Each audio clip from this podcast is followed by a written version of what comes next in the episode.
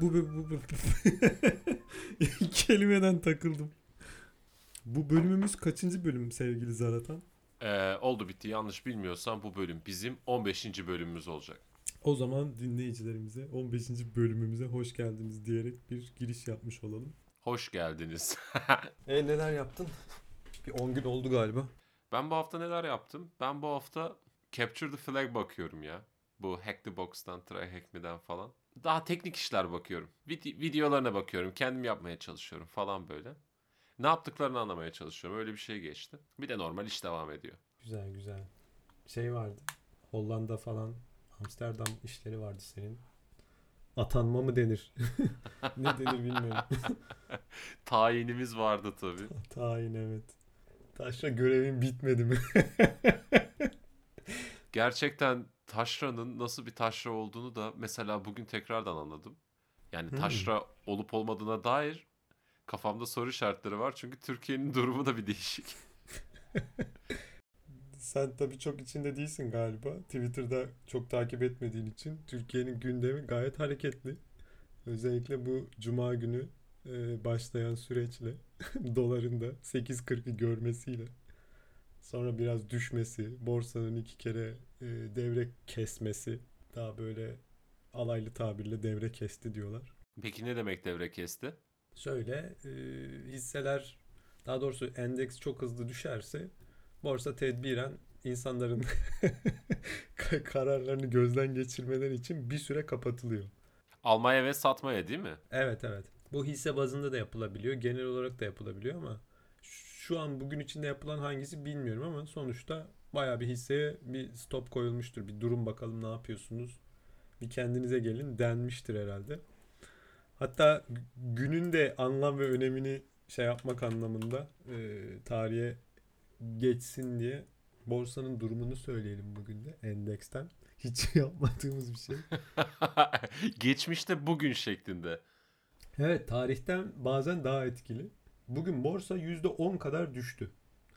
Nedeni de Kaç puandan düştü? Merkez Bankası'nın başkanının değişmesi nedeni de kaç puandan düştü? Açılış olarak 1493 puanla başlamış. 1379 puandaymış şu anda da. %9.79 düşmüş görünüyor ki borsada zaten Türkiye saatiyle 9.15 itibariyle kapanmış durumda. Bu tarihi bir gün çok ciddi bir düşüş oldu. Yani şunu demeye çalışıyorum. Ee, dolar böyle giderse çıkacak arkadaşlar.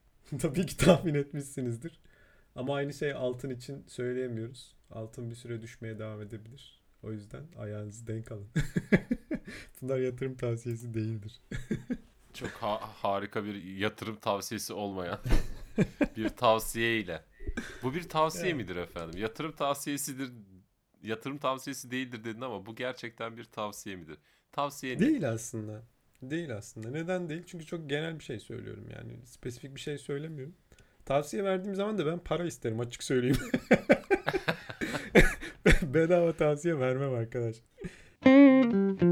İlginç olan başka bir nokta daha var. Bu Türkiye'deki krizle ilgili olarak. Geçen sene de Lütfen oldu bitti. 15-17 Mart gibi galiba.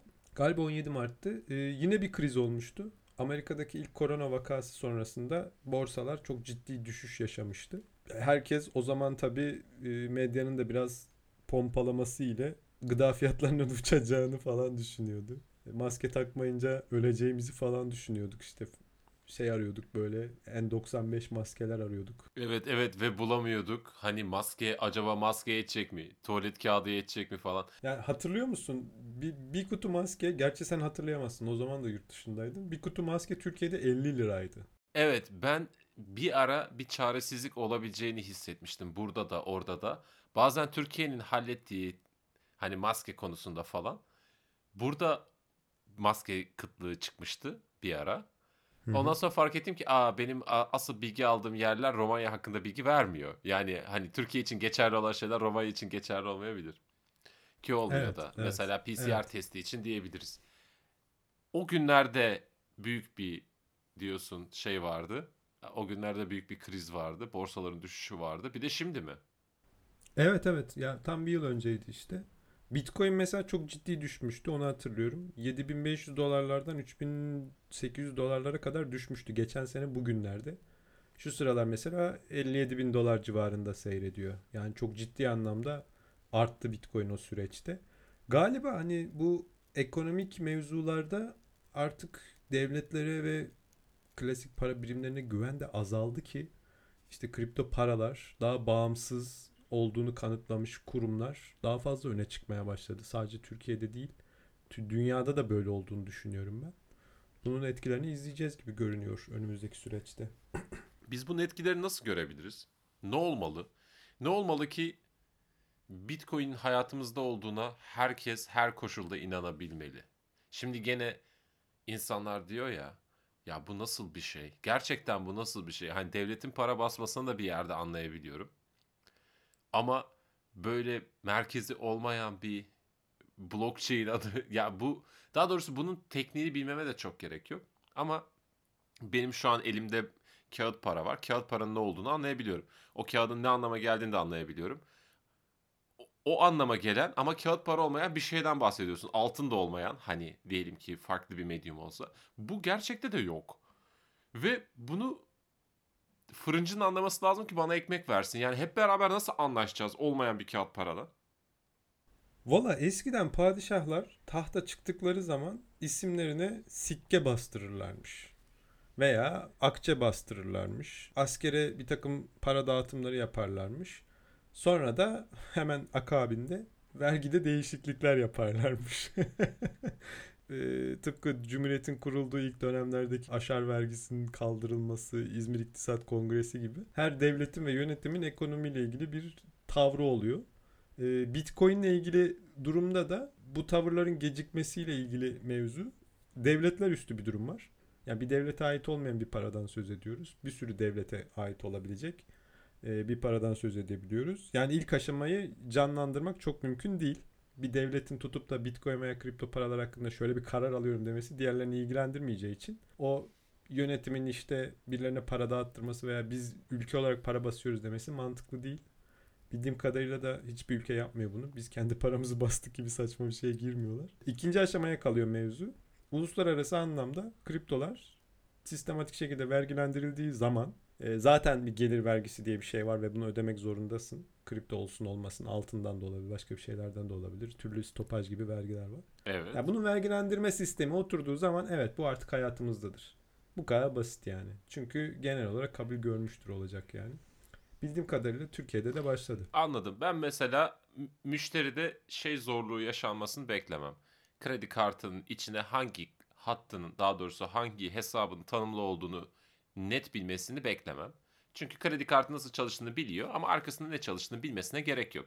Zaten Bitcoin'deki e, hani teknik detayın korkutuculuğu ama pratik noktada o kadar da çok teknik detaya ihtiyacımız olmaması. Yani sen bir ödeme işleminde ne kullanıyorsun? Normalde bir banka hesabı kullanıyordun artık kullanmıyorsun. Zaten bu uygulama üzerinden gözüktüğü için ya senin için bir bankacılık uygulamasını kullanmaktan hiç fark olmayacak. Ve bir bankadan da hiç fark olmayacak. Sadece ne hesap işletim ücreti mi olmayacak abi? Nasıl bir reklam bu? Aslında hesap işletim ücreti var. Transferlerde para ödüyorsun. Evet transferlerde para da ödüyorsun. Evet EFT ücreti gibi bir para ödüyorsun ama işte kriptodan kriptoya bu paralar değişiyor. Bu paralar da nereye gidiyor diye düşünürse dinleyicilerimiz bu madencilik işlemlerini yapan yani sürekli bilgisayarını açık tutan insanlara gidiyor bu paralar.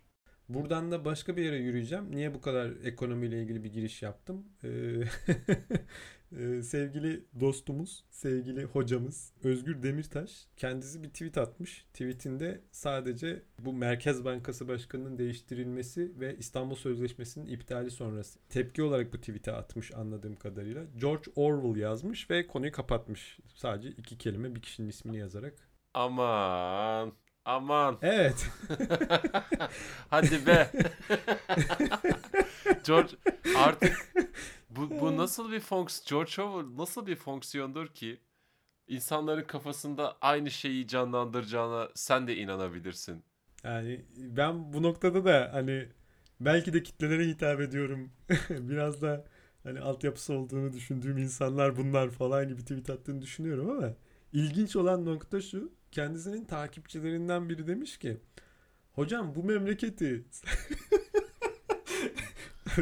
Pardon yandan giriyorum. Hocam bu memleketi sadece sizin gibi bir insan kurtarabilir demiş. George, o- George Orwell'ı kendisine alternatif olarak mı sunduğunu düşünmüş. hayır hayır yani durumun ben de farkındayım. George Orwell'lık 1984'lük bir durumun içerisindeyiz. Sizin gibi bir e, yeteneğe, sizin gibi bir dehaya ihtiyacımız var demiş kendisinin bir fanı. Kendisi de ilginç şekilde bunu cevaplamış. ne demiş? Hemen hani alıntıyı yanlış yapmamak adına kaynağa bakıyorum. Lütfen. Bir ekleyeceğim. Efendim kendisi de bunu cevaplamış ve takipçisinin hocam bu ülkeyi kurtarsa kurtarsa sizin gibi birisi kurtarır e, tweetine ki bu tweet 192 başka takipçisi tarafından favori seçilmiş ve 89 e, takipçisi tarafından da retweet edilmiş bir tweet. Kendisi de efendim buna hemen cevap vermiş. Teşekkür ederim. Tek kişiden ziyade güçlü kurumlar ulusların yükselmesine yol açıyor demiş. Bana burada bir tık hani Daron Acemoğlu'ndan çalmış gibi geldi. Bu nasıl sö- yani nereden bu kanaate vardın diyeyim. Ya hani olayın tamamen saçmalık yani inanılmaz düzeysiz bir durum olduğunu düşünüyorum. Yani hani bunu da eleştiri gibi sunmak da istemem ama bir ekonomi profesörünün tutup da e, teknik bir açıklama yapmak, durumun işte akademik karşılığını sunmak yerine büyük resmi gördüm George Orwell çıktı. Demesi bence çok saçma. Hani bunu yapmayın. Ee, bunu da neden yaptığını az çok hepimiz biliyoruz, tahmin ediyoruz. Popülerliğini arttırmak işte kitlelere hitap etme kaygısıyla yapıyor olsa gerek. O zaman bir soru sorayım sana. Sence cevabı ne bunun? Sence bu biraz da meta bir soru olsun. Sence bu tweet'i kendisi fake hesabından attırmış olabilir mi? Kuzenim atmış gibi diyorsun. Ha şey kendisine gelen cevabı diyorsun. Kendisine gelen yani kendisine şimdi sonuçta her forvet güzel bir orta bekler ama bazen ortayı da kendin açman gerekebilir. Böyle şeyler oluyordu çünkü. Fake hesabından atıp atmamasından ziyade bu tweet'i ciddiye alıp cevap vermesi çok absürt. hani bu bile de kendi başına yeterli yani. Ya birinin Evet. e, Türkiye'yi e, Özgür Demirtaş'ın kurtaracağına inanması da absürt. Bunu onun da görmesi absürt. Belki tek başına kendisi düşünüyor olabilir. Çünkü bir tane fake hesap açmak çok pahalı değil. Kendisinin alçak gönüllülükle kurumların öne çıkması gerektiğini söylemesi daha da absürt aslında bence. Hani buna cevap olarak vermesi inanılmaz gerçekten. Keza bu kurumların öne çıkması önemli dediği tweetini de 2100 kişi favorisine eklemiş. Yani like'lamış Twitter jargonunda yani. Peki bu Özgür Demirtaş standardında nasıl bir like? Bu böyle en beğenilen entry'si mi yoksa pardon en beğenilen tweet'i mi yoksa daha beğenilenleri var mı? Twitter yine sen yabancı olduğun için Twitter'da tweet atıyorsun bir de tweetlere karşılık veriyorsun. Evet bir tweete cevap veriyorsun. Yani altlarda kalıyor cevap verdiğin tweetler. Senin ana akışına düşmüyor. O yüzden 2000 like almış. Normalde Özgür Hoca George Orwell tweetinden 40 bin civarı bir like almış mesela. İnanılmaz. Gerçekten inanılmaz. Akıllı geçinen insanların da aslında bayağı geriden geldiğini görmek insanı bir tık daha fazladan, ekstradan e, umutsuzluğa doğru itiyor. Ama bunlara gülüp geçeceğiz. Yapacak bir şey yok. Yani kaderimiz buymuş diyeceğiz. O zaman senin cümlen ne diyebilir miyiz? Öz- Özgür Demirtaş'a yanladık. yok yok yanlama bölümümü orada harcamam. Asla.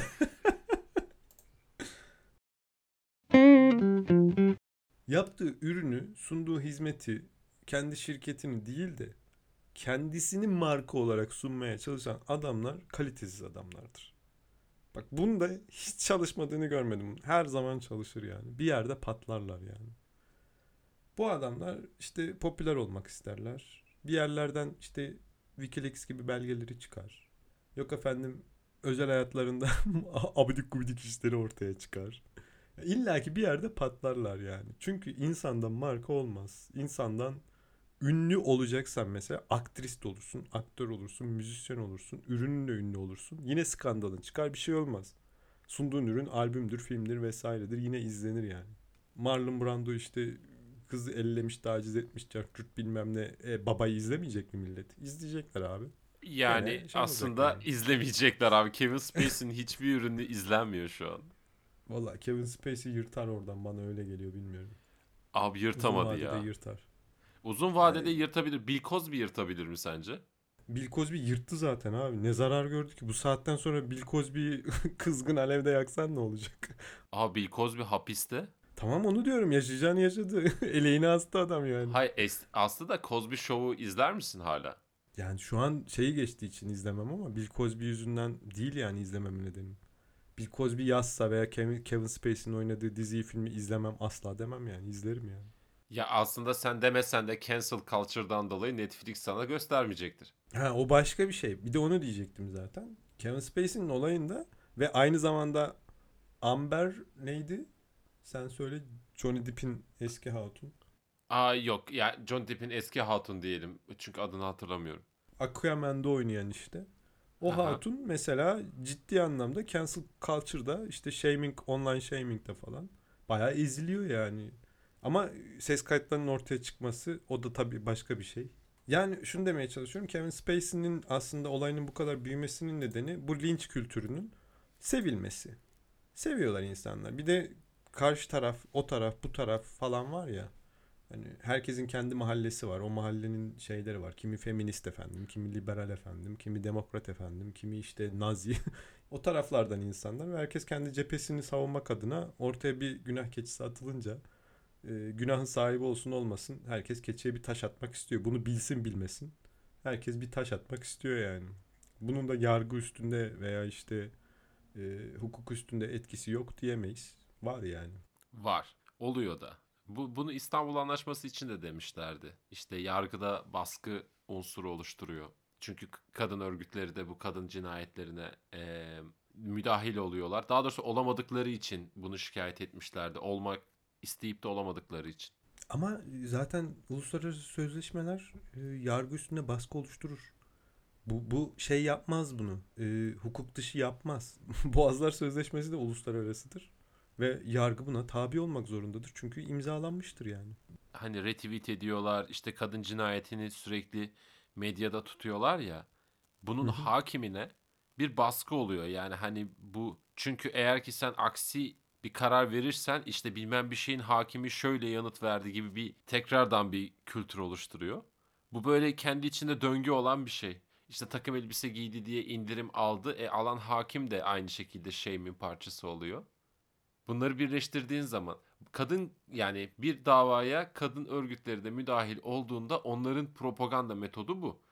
Buna girdikleri zamanda daha doğrusu buna giremedikleri için İstanbul Anlaşması ya İstanbul Anlaşması uygulanmıyor ya bir de. Uygul yani uygulanmayan maddelerinden bazılarında bunun olduğunu söylemişlerdi. Valla orada da şu var.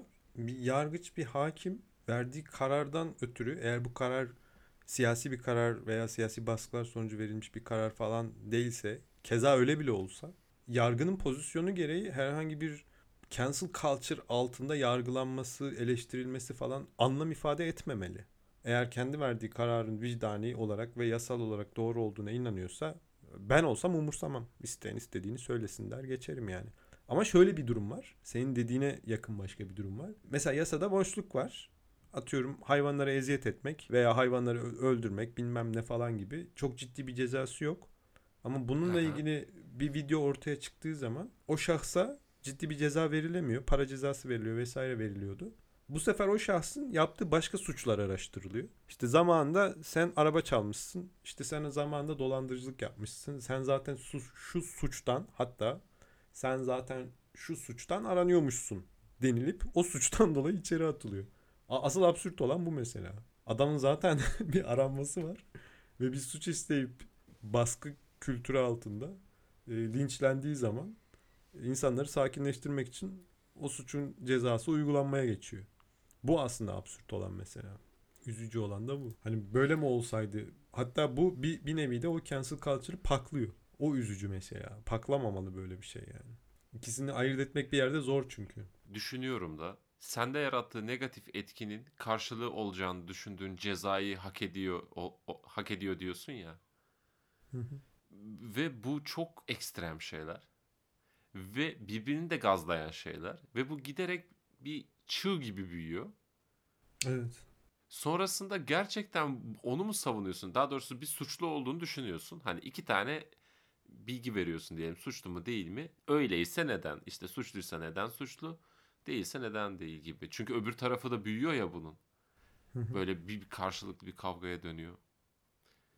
Ama öbür tarafın yani daha doğrusu şu an hakim görüşe aykırı olanın çok daha az outlet'i var. Ama bu outlet çok kötü yerlerde de kullanılıyor. Bu yani insanların aman ifadesi. Şey diyecektim ben burada. Cancel culture ile alakalı. Yani çok fazla insan birbirini ateş ateşleyerek oluşturdukları bu kazanda gerçekten birebir de sorduklarında kendileri bu kadar şiddetli cezalandırılmasını istemiyor da olabilirler. Evet, evet. Bu aptal bir dolduruş da olabilir ve aradaki fark çok büyük. Yani sen bir ceza almasını istedin doğru ama cezanın bu kadar büyük olması gerçekten istediğimiz şey miydi? Veya bizi ileriye taşıyacak şey bu muydu? Tabii ki de değil.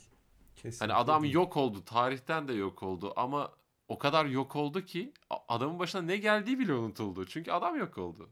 Çok basit. Bunun böyle olmadığına dair kontrastı hemen kurayım. Kevin Spacey'in yaptığı aynı suçtan, aynı şekilde işlenmiş bir suçtan ünlü olmayan birisi cezasını çekip hapisten çıkabilirken Kevin Spacey asla çıkamayacak o hapisten. Hani çıksa da çıkamayacak. Ya artık CV'sinde öyle bir şey yazıyor olacak adamın yani. Neden? Çünkü göz önünde. Neden? İşte cancel culture'a maruz kalmış durumda. Keza yine Kevin Spacey şöyle bir risk altında. İşlemediği suçların da iftirasının kendisine atılma ihtimali çok fazla. Herhangi birinden, ünlü olmayan birinden çok daha fazla. Evet beni de elledi, beni de elledi. Herkes diyebilir ki beni elledi. Belki mobbing yapmıştır ama o taciz olarak yansıtılabilir yani aynı şekilde. Yani ben de listede adım olsun. Bir blogda bir haberde adım geçsin gibi bir kaygıyla böyle bir şey de yapılabilir. Böyle şeyleri de gördük. O yüzden cancel culture aslında az ünlü ve çok ünlü insanlar için riskli yani. Büyük riskli. Keza şöyle bir durum daha var. Bunu da eks- ekstra ekleyeyim. Bu öyle bir kültür ki artık e, artık değil zaten Amerika'da da çoktandır. Televizyon programları kurgulamaya başladı. Çok seviyor çünkü insanlar bunu duygusunu yaşamayı. Adalet sağlandı falan gibi hissetmeyi. İşte Müge Anlı diye bir tipimiz var televizyonumuzda. Ee, herhalde kendisine binlerce dosya geliyordur. Adaleti işte sağlanması, işte biz hakkımızı arıyoruz gibi vesaire. Bunlardan büyük bir bölümü zaten bence yalan dolandır yani. Öyle olmayanlarda da Müge Anlı'nın sunabileceği bir program ve bir zaman dilimi var. İşte onlardan en çok reyting çıkartacağı seçmesi gerekiyor. Yoksa program izlenmez ve devam edemez. Yani bir çözüyorsa 100 tane de çözemediği olay var. Keza yine onun takipçileri ben hiçbir şekilde takip etmiyorum ama maruz kalıyorum me- mecburen internette gezdiğimiz için. Aha. Ee, eskiden açılıp bir sonuca bağlanmayan çok fazla dosya varmış Müge Anlı'nın programında. Yani sonu bulunmayan, aranmayan, işte bir yerde bir sonucu çıkmayan çok fazla dosya varmış. Bu da ayrı bir üzücü durum yani. Yani bunun fonksiyonu çalıştığını düşünseydik üzücü bir durum olurdu değil mi? Tabii tabii. Ya ya. Müge Anlı'nın bir- insanlar. Legal sorumluluğu olsaydı mesela. Evet yani ama öyle düşünüyor işte Müge Anlı ah, kaybolanları buluyor falan gibi işte. Abi Müge. Anlı tam anlamıyla adalet lotosu. Yani Evet. eğer ki senin case'ine, senin davana bir Müge Anlı ışığı da dokunursa onun bir çözüme ulaşması çok daha hızlı oluyor. Ama Müge Kesinlikle. Anlı'nın senden istedikleri var. Nasıl milli piyango bilet alınca çıkıyorsa bu da şöyle çıkıyor. Müge Anlı senden izlenebilir, takip edilebilir, sürdürülebilir ve mümkünse çok hareketli bir hikaye istiyor. Evet ve bunun dozu da her geçen gün artıyor. Evet bunun dozu her geçen gün arttığı için tabii senin kendi içinde bulunduğun havuzla da değerlendirmek gerekiyor. Yani hani ilk kurulduğu vakit ne bileyim 2005'te yapıldıysa bu ilk program. 2005'te böyle çok daha light sorunlar ışık buluyorken şimdi böyle gerçekten birini diğerini baltayla öldürmesi gerekiyor. Çünkü bıçakla öldüreni de var. Yani hepsi balta serisini veriyoruz ki bıçaklara sıra kalmıyor. Böyle bir şey de olabilir. İnanılmaz gor hikayeler de çıkabilir içinden. Şimdi böyle bir şey istiyor senden Müge Anlı. E, eğer bunu verirsen kazanırsın. Ee, Bizi dinleyip de Müge Anlı üzerinden adalet aramayı talep edenler varsa onlara şöyle bir tavsiyem olabilir. Mesela enişteniz kayboldu. Müge Anlı'ya başvururken şöyle deyin. Babaannem eniştemi öldürüp kömürlüğe gömmüş olabilir. Gerçekten. gerçekten. Altınları da gömmüş işte o altınların Evet. miktarı da böyle 1 milyon 2 milyon falan olursa hani evet evet. Müge Anlı standardında da biri diğerini 1 milyon için öldürebilir şeklinde Evet, bir argüman var. Yani Onu da kazanmış olursunuz ve böylelikle daha da izlenir. İzlenir evet, mi? Hikayenize izlenir. şunu da ekleyin. Ee, büyücüye de gittik. Büyücü de öyle dedi. Büyücü, büyücü, büyücü demeyelim ya. Hoca hoca falan demesin. Büyücü ne ya? Hoca efendi de olabilir yani. Veya işte ne derler onlara? Öbür taraftan haberler alabilen birine gittik falan. O da öyle dedi falan. Kömürlükteymiş eniştem. Korkudan giremiyoruz. Müge Anlı eniştemi bul. hani enişteniz normal kaybolmuştur ama. ama atıyorum ablanızdan kaçıyordur. Aynen giy- giydirdiğiniz kıyafetle bence enişteniz ya hani enişteni böyle kendi imkanlarında aramak farklı. Tabii Bu, ki. yani Türkiye genelindeki bir televizyonda seni aramaları bambaşka bir şey yani. Dolmuşçu da izliyor, herkes izliyor. Evet, Herkes evet. seni görüyor ve ya bilmiyorum insanlar bu kadar tutuluyor mudur ya acaba Müge Anlı'da gördüğüm şu yoldan geçen midir diye çok dikkat etmiyorlardır ama ediyorlar mıdır veya?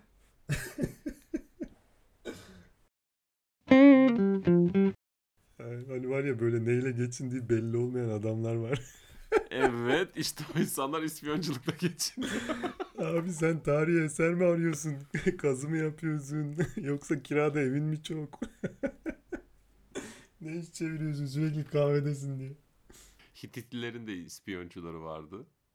Osmanlı'nın zaten vardı. Cumhuriyet zamanında vardır. Korsanı varmış ya. İspiyoncu olsa iyi adamların korsanı varmış. Hatta bütün Yani- İngilizlerin falan da korsanları varmış. Baya parayla Ama iş bunu- yaptırıyorlarmış. Bunu şey gibi düşün. e, korsanların bir domain ihtiyacı olduğunu ve senin aslında Evet, bu evet. domaini sağladığını düşün. Evet evet ama bu bu domainin dışında da bir merkezleri varmış. Hani devletlere iş yapıyorlar, kendilerini kiralıyorlar. Bir de korsan merkezleri varmış. Hani bunlar sen korsan olabilirsin, olamazsın diye karar veriyorlar. Oraya bir vergi falan ödüyorlar. Yani korsan tek, tek başına korsan değil yani. O zaman zaten O- o korsan işte olmuyor. Emrah Sefa Gürkan'ın dediği şeye geliyor. Daha doğrusu onun kendi tezine geliyor. Ha, Diyor o da ki evet onda da var. her korsan aslında legal iş yapmak ister. Bu insanlar legal iş yapamadıkları için korsanlar. Evet, evet. Bir de korsan dediğin şey yani biri için privateer denen şey öbür için korsan oluyor. Yani korsan olmak aslında diğer factionlarda geçerli bir şey. Yani biri için iyisin ama diğer hepsinde korsan sayılıyorsun. Ama ben şeyi beğenmiyorum. Günümüz korsanlarını beğenmiyorum yani. Çok Somali vizyonsuzlar. korsanları mı? evet. Look at me, I am captain now. Ya günümüzde korsanlık eski değerini bulmuyor. Oysa öyle güçlü bir konsept ki Somali korsanları için Tom Hanks'li film falan çekiliyor yani. konsept çok güçlü ama orada da korsanlık adına yapılan eyleme bakarsan çok kalitesiz. Ya aslında işin derinine indiğinde korsanlık aktivitesinin veya bu böyle korsanlarla birlikte düşünülen deniz ticaretinin tamamının fiyatlandığı ve sigorta şirketleri tarafından göz önüne alınabilir risk olarak incelendiğini fark ediyorsun. Ve orada çalışan insanların hiç canının kıymeti yokmuş gibi anlaşılıyor. Ya daha doğrusu canın kıymeti var işte sallıyorum 210 bin dolar. Ve bu yani. Hani bu insanlar sana yardım göndermeyecekler. Senin canının değeri bu kadar da ölürsen tanıdığına bu kadar gelecek. Ben hayatı bu kadar net çizgilerde yaşamak istemediğimi düşünüyorum. Ve bunların hepsi çakma iPhone'lar için ya. Bu da kafamı karıştırıyor. Gerçekten yani içinde çakma iPhone olan bir gemi Somali korsanı tarafından tutulup içinde sen öldürürsen sen de yaşam koşullarını daha doğrusu yaşam kararlarını sorgularsın. Sevgili oğlu bitti bu hafta bu podcast'imizde Biraz Evet. konuşabilir miyiz podcast'inde yayınlayacağız. Bu podcast'i de İlker Gümüşoluk'la Kemal Ayça yapıyor.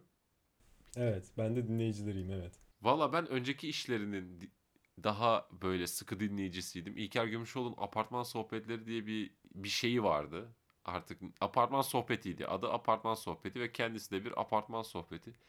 İşte Nasıl? katılanların apartmanlarını e, yani yaşadıkları çocukken yaşadıkları apartmanları anlatıyorlardı ve şimdiki apartmanlarını gösteriyordu.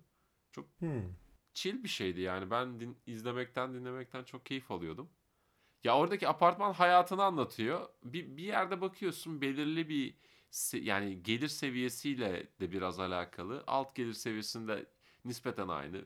Orta gelirde birazcık daha işte aynı. Yani gelir seviyesine göre benzerlik gösteren hayat hikayeleri olmuş insanların. Hmm. Hani gene de değiştikleri yerler var. Ama çocukluklarında 3 aşağı 5 yukarı aynı çocukluğu yaşamışlar diğer insanlarla. Hiç tanışmasalar da. Öyle bir şeydi İlker Gümüşoğlu'nun şu an yanlamadığımız bir işi. Evet. Peki peki şu an yanladığımız işinde neler var?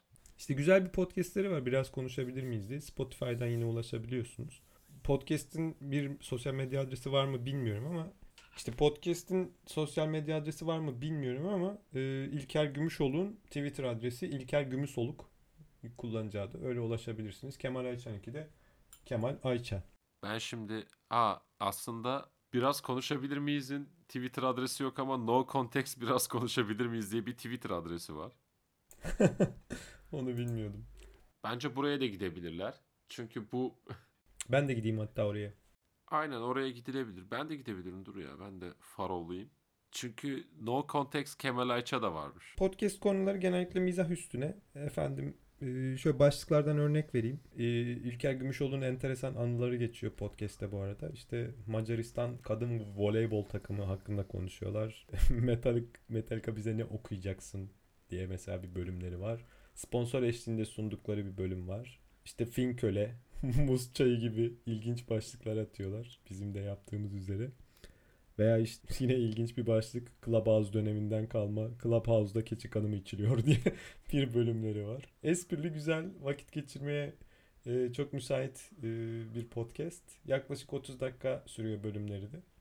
Tavsiye ediyoruz. Evet e, bence kendilerine yanlış olduk. Biz direkt kendilerine yanladık. Evet kendilerine yanlamış olduk. Bilsinler ki biz de onların dinleyicisiyiz efendim. Başarılar diliyoruz. O zaman sosyal medya adresimizi hatırlatalım herkese. İki kişinin bildiği podcast Twitter'dan, Twitter adresinden bize ulaşabilirsiniz. Özellikle Zaratan'a ulaşmak isteyenler Zaratan18. Zaratan'a ulaşmak istiyorsanız Twitter adresim zaratan18. Eğer ki oldu bittiye ulaşmak istiyorsanız oldu bittin Twitter adresi oldu bitti benim. Hepinize. Sonra Ha, so- sonra ne var? Sonrası ne ne ki sonrası? sonra bir şey yok. Hoşçakalın. niye niye niye psych yapıyorsun bana? Sonrasında bir şey var zannettim. Sonrasında kunut duasını okuyoruz. Aa aslında o duayı okuyarak bitirsen ya. Yasin duasını biliyor musun? Vallahi unuttum ya. O zaman gospel'le idare edeceğiz bu haftada.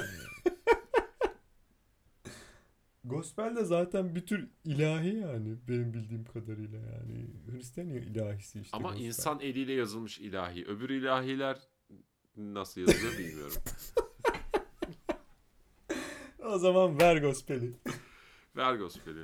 Ain't gonna let nobody, Nobody turn me round, turn me round,